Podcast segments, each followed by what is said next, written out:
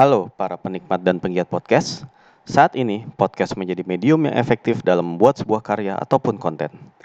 Untuk bisa memproduksi dan mendistribusi podcast ke segala jenis platform, tentunya lu butuh aplikasi yang tepat. Gunakanlah Anchor untuk bisa mewujudkan itu semua. Selain memproduksi dan mendistribusi, Anchor juga memiliki data analitik untuk melihat performa lu sebagai podcaster. Udah gitu, semuanya gratis alias nggak dipungut bayaran. So, tunggu apa lagi? Install aplikasi Anchor di App Store dan Play Store sekarang juga ataupun langsung aja akses ke www.anchor.fm. Buatlah aspirasi lu didengar dan bermanfaat bagi orang banyak melalui Anchor. Sekarang, mari kita dengarkan episode Kasamilan Podcast berikut ini sampai selesai.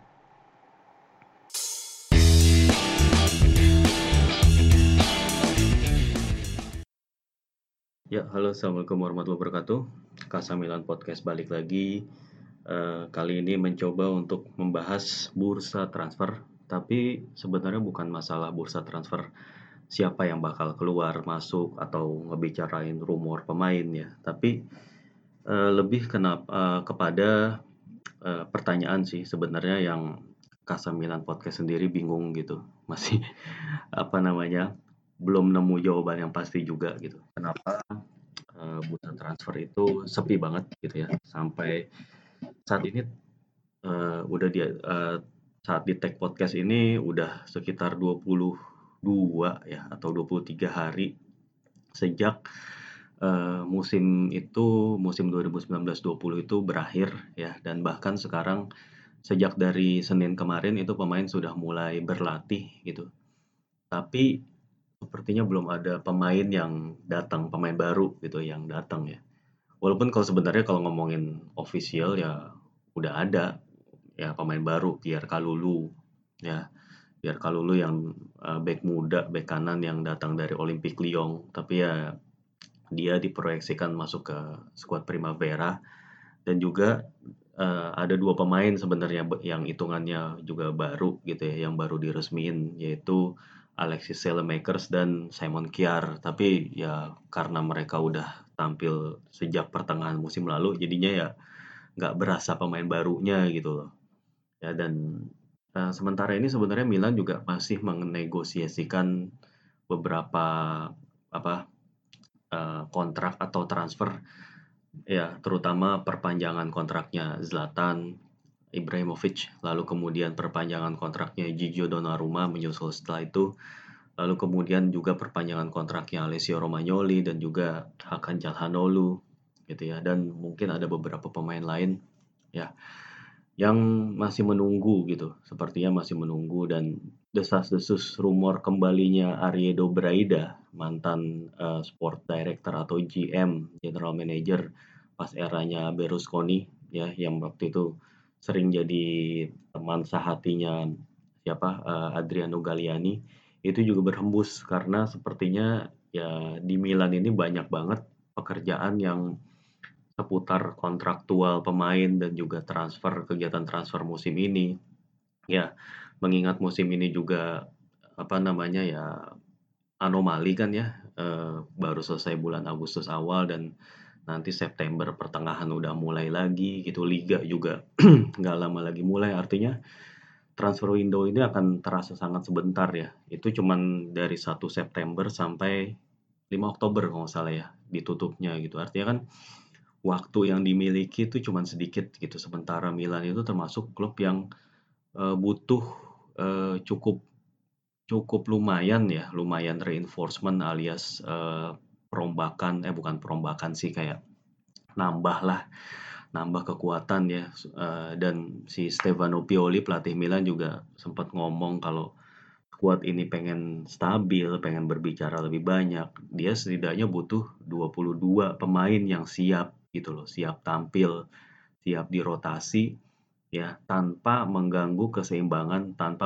mengganggu performa dan hasil yang di apa yang diraih dari tim gitu. Karena kemarin pada saat setelah pandemi emang uh, nggak pernah menelan kekalahan dan di antaranya 9 kali menang gitu. Itu emang uh, karena emang ya itu short run, ya itu benar-benar cuma 9 kali main dan mainnya juga sering. Pemain yang dipakai juga mostly itu-itu aja. Itu dan dan karena continuity yang udah kebentuk ya dan juga faktor-faktor lain emang Milan streak-nya bagus gitu.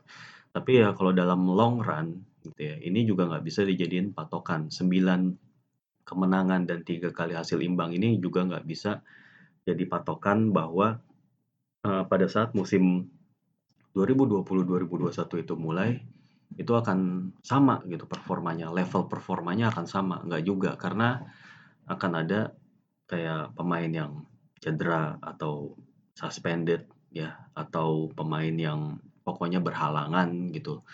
Dan kalau satu dua pemain ini uh, absen itu bukan nggak mungkin akan mempengaruhi level performa dari keseluruhan tim dan karena itulah pembelian pemain gitu yang levelnya sama dengan skuad sekarang setidaknya levelnya sama ya syukur-syukur bisa naikin level itu sangat diperluin gitu tapi uh, mengingat hal itu sangat penting, kok kesannya manajemen itu lambat gitu. Kenapa alasannya gitu? Padahal kalau dilihat juga lebih dalam ya, gue juga sebenarnya bukannya orang yang tahu banget soal situasi internal tim gitu ya.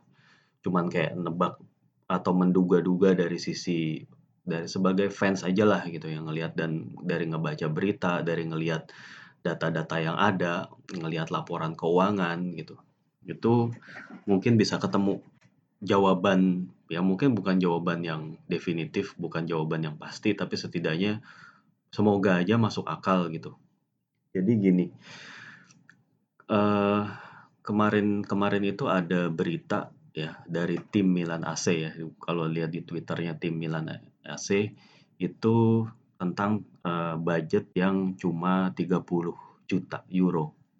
Itu jadi ada budget padahal sebelum-sebelumnya uh, setelah Pioli dipermanenkan gitu, itu dibilang wah manajemen akan mendukung penuh. Mungkin budgetnya itu akan kurang lebih sama dengan yang kalau Ralf Rangnick waktu itu jadi datang gitu. Dan kabarnya Rangnick itu minta 100 juta euro budget transfer gitu. Yang mana ini nggak bisa dipenuhi manajemen dan jadi salah satu alasan kenapa Rangnick batal join. Gitu.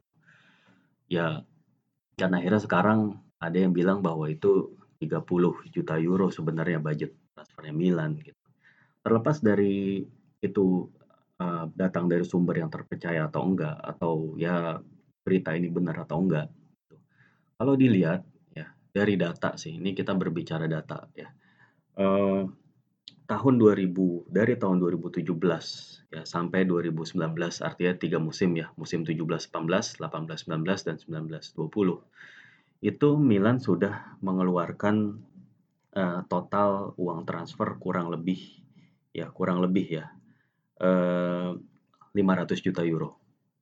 Jadi di musim 2017-18 itu kurang lebih 194 juta euro, uh, 18-19 itu 187 juta euro dan 19-20 104 juta euro. Ini data dari transfer market ya. Kalau lu bisa lu bisa akses data dari transfer market ya uh, .com lu tinggal lihat AC Milan all transfers lu bisa lihat di situ sendiri gitu itu transfer innya itu uh, transfer in ya atau pemain yang masuk itu hampir 500 juta euro hanya dalam tiga musim sementara pemain yang dijual ya itu ya nilainya nggak nyampe setengahnya dari yang dibeli ya alias musim 17-18 34 juta euro 18-19 84 juta euro dan 19-20 60 juta euro. Ya hitung aja kurang lebih 170 180 juta euro.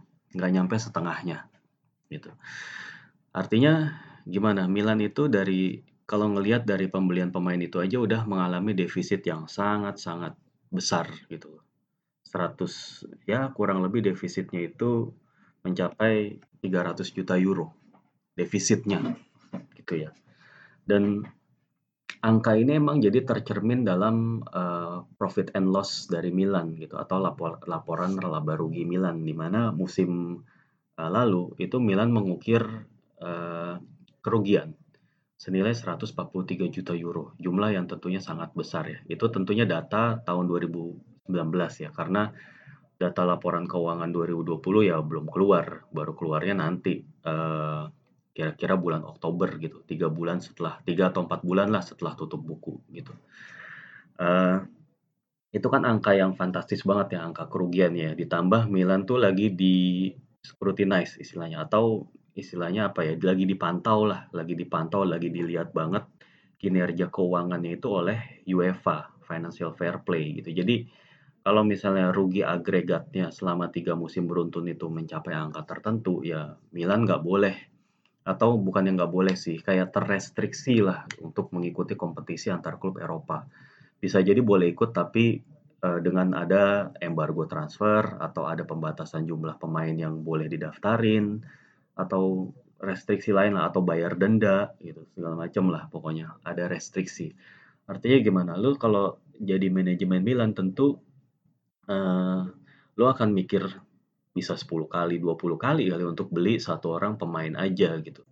Jadi sekalipun misalnya nih uh, di berita ya jarak antara permintaan atau demand gajinya Ibra yang 7 juta euro dengan Milan yang uh, cuma bisa nawarin di beritanya ya di, di berita tuh cuma nawarin 6 juta gapnya sejuta doang padahal. Ya sejuta apa sih artinya sejuta kalau buat Zlatan gitu? Tapi mungkin kalau kita dari kacamata awam bisa memandangnya seperti itu tapi kalau dari manajemen ya pertimbangannya bisa lebih dari itu kita nggak tahu apakah uh, juta euro yang dimaksud Zlatan itu benar-benar gaji net. Kalau ya biasanya sih itu bukan net ya, gross ya. Ya artinya, uh, sorry maksudnya yang diterima Zlatan itu net, katakanlah net 7 juta, berarti kan grossnya termasuk pajak. Itu ya katakanlah, uh, tax rate di sana tuh sekitar 30 persenan lah. Berarti kan Milan harus bayar kira-kira, uh, 2 sampai 3 juta euro lagi untuk bayar pajak pajak atas penghasilannya si Zlatan gitu. Yang mana jadi gross salary-nya itu bisa mencapai kayak mungkin kayak sembilanan lah 9 juta euro gitu. Yang mana itu angka yang besar ya buat Milan yang udah menetapkan walaupun ini bukan hal yang kaku gitu menetapkan kayak sebesar dua setengah juta sampai 3 juta euro salary cap gitu untuk menghemat biaya gaji untuk menurunkan biaya gaji. Nah emang kemarin juga ada laporan bahwa uh, musim 2019-30 eh 1930 1920 itu biaya gaji berhasil dihemat 30 juta euro eh, berkat penjualan beberapa pemain dan musim ini pun juga pemain seperti Suso terus kemudian uh, Lucas Bilia, Pepe Reina, yang Fabio Borini ya yang mana itu adalah pemain-pemain yang gajinya tinggi itu udah uh, nggak ada di squad ya. Reina lagi dalam uh, tahap final negotiation dengan Lazio. Ya sementara Suso udah pasti akan dipermanenin uh, Sevilla. Lalu kemudian uh, Lucas Bilia juga uh, dan juga Jack Bonaventura sih gajinya nggak terlalu gede. Lucas Bilia juga udah bakalan keluar. Dan termasuk Milan juga udah melakukan penjualan pemain seperti Ricardo Rodriguez ke Torino gitu ya. Juga apa ngejual beberapa pemain lagi seperti siapa lagi? Uh, Gustavo Gomez. Mungkin lu udah lupa siapa ini Gustavo Gomez. Gustavo Gomez ini akhirnya dipermanenkan oleh uh, Palmeiras ya dengan nilai 2 juta euro. Lumayan lah daripada nggak ada sama sekali. Ya dan karenanya Milan juga jadi dikait-kaitkan dengan Matias Vina back kiri dari uh, Uruguay yang bermain di Palmeiras Matias Vina yang harganya sekitar 10 juta euro. Jadi karena hubungan atas dasar hubungan baik itulah mungkin Milan jadi ngelihat seorang Matias Vinia itu sebagai pemain yang cocok sebagai uh, deputi dari Theo Hernandez gitu. Hmm, balik lagi kenapa budgetnya itu cuma 30 juta euro. Ya tadi seperti yang gue paparkan angka-angka di mana uh, biaya transfer Milan itu dalam tiga musim itu udah mencapai 500, eh, hampir 500 juta euro. Termasuk kerugian, nilai kerugian Milan juga udah hampir 150 juta euro musim lalu. Under scrutinized by UEFA. Ini berarti kan ya, ya itu tadi ya benar-benar uh, kebijakan keuangan yang prudent alias yang hati-hati, berhati-hati itu emang harus dijalanin supaya Milan itu nggak tergelincir ke dalam lembah sanksi gitu loh. Nah, disanksi yang membuat akhirnya klub ini jadi makin lama bangkitnya. Karena main di Eropa itu sangat penting buat Milan, bukan cuma masalah duit ya. tapi juga masalah image. Kenapa image itu penting dalam dunia sepak bola? Karena kalau image lu tuh makin bagus, tentunya sponsor akan lebih mudah masuk gitu. Reputasi makin bagus, lu akan lebih mudah juga ngedapetin dukungan dari fans-fans yang baru kenal bola, istilahnya gitu. Ya, ini emang posisi yang harus diambil Milan ya. Jadi manajemen Milan tuh sama sekali nggak nggak gampang di era-era sekarang ini. Benar-benar harus putar otak untuk bisa memenuhi semua ekspektasi lah, baik ekspektasi itu dari shareholder, ekspektasi itu dari si siapa namanya si pemain, ekspektasi dari pelatih, ekspektasi dari supporter, ekspektasi dari UEFA, regulator gitu. Jadi ada regulator, ada shareholder, ada pemain, ada pelatih, ada supporter yang harus dipuaskan, yang harus harus diperhatikan aspirasinya gitu. Dan ya dalam kondisi seperti ini jelas yang apa ya? Kalau lu ibaratnya semuanya tuh teriak gitu. Yang lu duluin tuh apa? Tentunya yang hubungannya sama regulasi, regulator kan. Lu nggak bisa mengabaikan apa yang udah regulator bilang gitu. Soalnya kalau dia regulator itu kan dia yang bikin regulasi ya. Dia yang bikin yang punya kompetisi gitu. Kalau lu nggak eligible, nggak memenuhi syarat ya lu uh, simply lu nggak bisa main gitu dan nggak bisa main tuh konsekuensinya ke mana-mana gitu. Dan 30 angka 30 juta euro ini, itu boleh jadi ya, itu kan, uh, sepuluh 10% dari defisit transfer yang dari tiga tahun terakhir. Tadi kan seperti yang gue bilang 300 juta itu defisit, kurang lebih. Ya dari tiga tahun terakhir. Mungkin manajemen cuma punya bisa mentoleransi, ya udahlah 10% dari defisit deh lu gua kasih 30 juta euro gitu. Atau gini, kalau dilihat dari struktur pendapatannya Milan, itu kan Milan itu pendapatannya stuck ya dalam beberapa tahun. Lima tahun terakhir mungkin stuck di angka sekitar 200 juta euro. Yang mana komposisinya juga kurang lebih sama ya. Kalau kita ngomong balik lagi kompos komposisi pendapatan yaitu dari match day revenue, dari commercial revenue, dan juga dari broadcasting revenue. Kalau dari match day revenue itu kan kayak dapetinnya tuh Milan tuh cuman kayak 30 sampai 35 juta euro Ya ini setara dengan budgetnya transfer Milan gitu.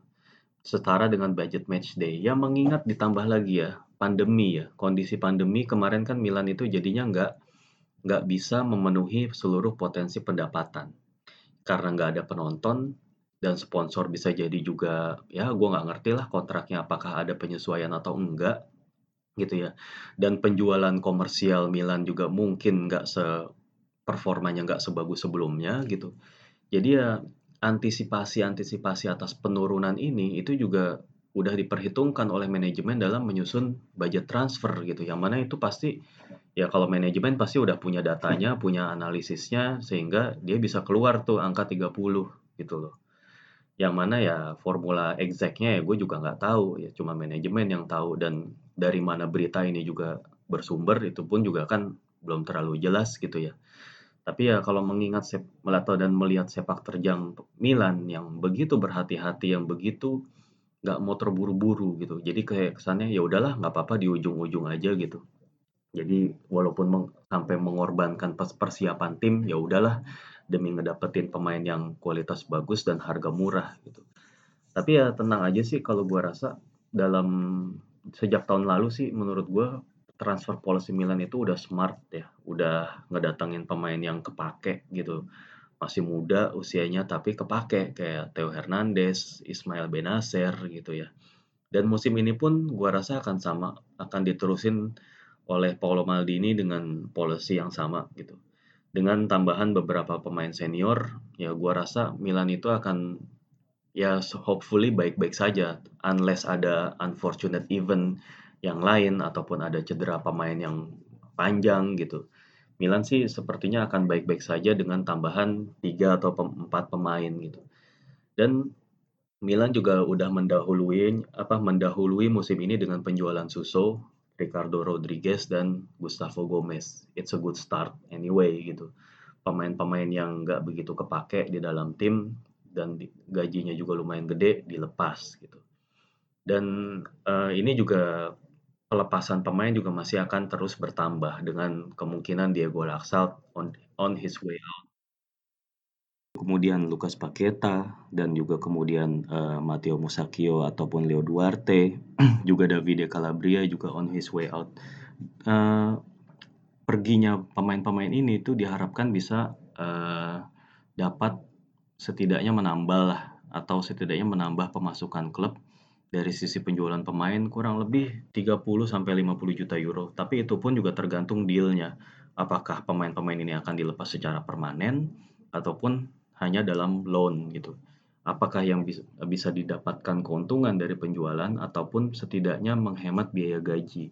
Gitu. Itu juga ada kompleksitas tersendiri dalam menghitung semua itu gitu dan inilah yang akhirnya uh, membuat uh, bursa transfer Milan itu relatif adem ayem, relatif nggak terlalu banyak aktivitas beberapa walaupun ya kompetisi sudah selesai kurang lebih tiga minggu gitu ya Ya, tapinya kegiatan bursa transfer masih yang adem ayem aja dan belum ada pergerakan berarti ya. Ya gua rasa sih ya bersabar aja gitu ya karena emang realistisnya Milan itu perlu ngejual pemain untuk bisa beli ngedatangin pemain dan kalaupun ngedatangin pemain ngeluarin uang sampai 20-30 juta itu kayaknya mikir berkali-kali banget gitu. Terlepas dari kebutuhan Milan kayak kebutuhan akan seorang center back, seorang uh, fullback kanan, deputi Theo Hernandez, lalu kemudian uh, apa namanya deputinya si Bakayoko dan Benacer, eh Bakayoko sorry, Kessie dan Benacer, lalu kemudian uh, pemain yang bisa main di sayap kanan atau pemain yang bisa jadi cadangannya Calhanoglu itu juga ya dipikirin banget lah. Oh ya dan belum lagi Milan juga sedang mencoba menegosiasikan Ante Rebic ya. Dan pastinya Rebic itu akan dihargai cukup mahal oleh Eintracht Frankfurt gitu ya. Karena ya performanya yang bagus di Milan gitu. Tapi ya walaupun Milan juga masih punya uh, Andre Silva ya. Andre Silva uh, juga gitu loh. Dan pastinya ya Milan juga kalau dalam menjual Andre Silva juga dia Milan juga pengennya paling nggak uh, dapat plus Valencia tipis-tipis lah atau setidaknya impas lah gitu. Impas nggak nggak ada minus Valenza gitu. Yaitu pasti akan ada negosiasi-negosiasi penting yang akan berjalan dalam beberapa minggu ke depan dan karena itulah mungkin ya rumor kembalinya Arya Braida jadi sounds make sense gitu walaupun ini juga belum tentu kredibel source-nya belum tentu emang bener bakal terlaksana atau enggak karena ya benar-benar tahu si konnya itu ya hanya manajemen Milan itself, manajemen Milan sendiri ya. Sementara ini ya kita fans ya enjoy aja lah apa yang apa namanya apa yang terjadi gitu, apa yang akan akan apa yang akan berlangsung uh, dalam dua atau tiga minggu ke depan gitu. Kita sambil ngeliat-liat aja gitu, nggak usah banyak apa berharap lah gitu. Seperti biasa. Ya, tapi gue yakin sih manajemen tuh tahu, they know what they are doing gitu. Maldini, Masara, dia mereka tahu apa yang mereka lakukan, mereka tahu siapa yang mereka cari. Gitu dan Stefano Pioli already have his winning formula hopefully gitu ya dan para pemain juga dalam kondisi moral dan motivasi yang tinggi gue rasa. Jadi inilah Ya, bisa jadi ini adalah awal musim yang paling optimistis lah setidaknya dalam 2-3 tahun terakhir gitu ya. Optimistisnya tuh tapi pakai data, pakai apa namanya, ada data yang mendukung, ada performance yang emang lagi bagus, ya. Pokoknya emang ada hal yang hal besar yang dilakukan manajemen yang emang sedang diupayakan gitu loh. Ya mudah-mudahan aja lah gitu. Emang kebangkitan ini bukan sekedar kayak ya udah sekedar wacana tapi emang benar-benar terlaksana. Dan Stefano Vio, apa Pioli works his wonder gitu ya. Berkat bantuan pemain-pemain yang ditatangkan oleh Maldini Masara gitu ya dan Ivan Gazidis tetap juga ya bisa kerja dengan sebaik-baiknya lah gitu. Gue gua nggak bilang gue di pihaknya Gazidis atau di pihak Maldini atau siapa pun ya siapa karena siapa pun itu selama emang dia bisa bekerja dengan baik untuk Milan yaitu ya dukung-dukung aja sih. Gitu sih kalau gue bilang ya. Dan dengan situasi manajemen dan situasi uh, pandemi situasi ekonomi yang sekarang juga terjadi uh, tentunya lebih banyak ketidakpastian daripada kepastian yang terjadi gitu loh. Dan ini pun ya pastinya akan jadi bahan apa ya bahan pemikiran lah bersama-sama di manajemen gitu. Oh ya sedikit uh, keluar konteks nih ngomongin Kasamilan podcast, gue sendiri juga kemarin uh, sempat bilang bahwa uh, gue juga nggak ngerti bakalan formatnya seperti apa Kasamilan podcast musim depan. Apakah akan gue akan serajin musim lalu di mana gue hampir setiap match ada match preview dan review gitu ya. Karena emang gue senang aja ngelakuinnya gitu. Tapi ternyata itu melelahkan juga, jujur melelahkan, ngabisin waktu, time consuming juga gitu. Dan sebenarnya gue juga apa ya, gue kan uh, tipe fans bola yang juga merhatiin klub lain, merhatiin liga lain, merhatiin perkembangan sepak bola lain dan pokoknya merhatiin hal-hal di luar lapangan gitu. Gue nggak mau aja dengan misalnya gue terlalu banyak uh, waktu yang gue spend buat uh, ngebahas tentang detail-detailnya Milan itu membuat gue jadi apa ya jadi nggak terlalu merhatiin perkembangan yang lain gitu di dunia sepak bola gitu. Gue nggak mau ya pokoknya gue inginnya selalu belajar gitu gue inginnya lebih banyak tahu lagi gitu. Gue gue sadar gue nggak banyak tahu gitu gue sadar gue nggak nggak masih pengetahuan sepak bola gue tuh masih standar banget lah gitu loh tapi ya gue sendiri juga tahu apa yang gue butuhin jadinya mungkin kalau misalnya mulai musim depan itu gue agak-agak jarang ngisi konten ini ya mohon dimaklumi dan dimaafkan gitu. Karena ya balik lagi masih mencari for masih mencari format yang paling enak aja gitu. Dan guanya juga pengen cari tahu hal-hal yang lain yang mana itu juga pasti butuh waktu gitu ya. Dan ya pokoknya gue pengen lebih ini aja lah lebih semoga memberi lebih memberikan manfaat aja intinya gitu.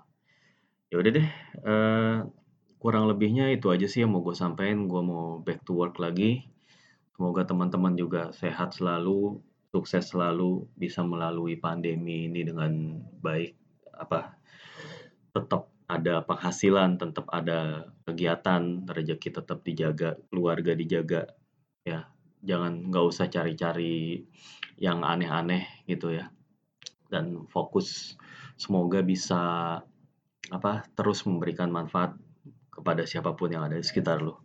Oke deh, itu aja kurang lebih ya. Uh, thank you udah dengerin Kasamilan Podcast. Mohon maaf atas segala kekurangan. Assalamualaikum warahmatullahi wabarakatuh.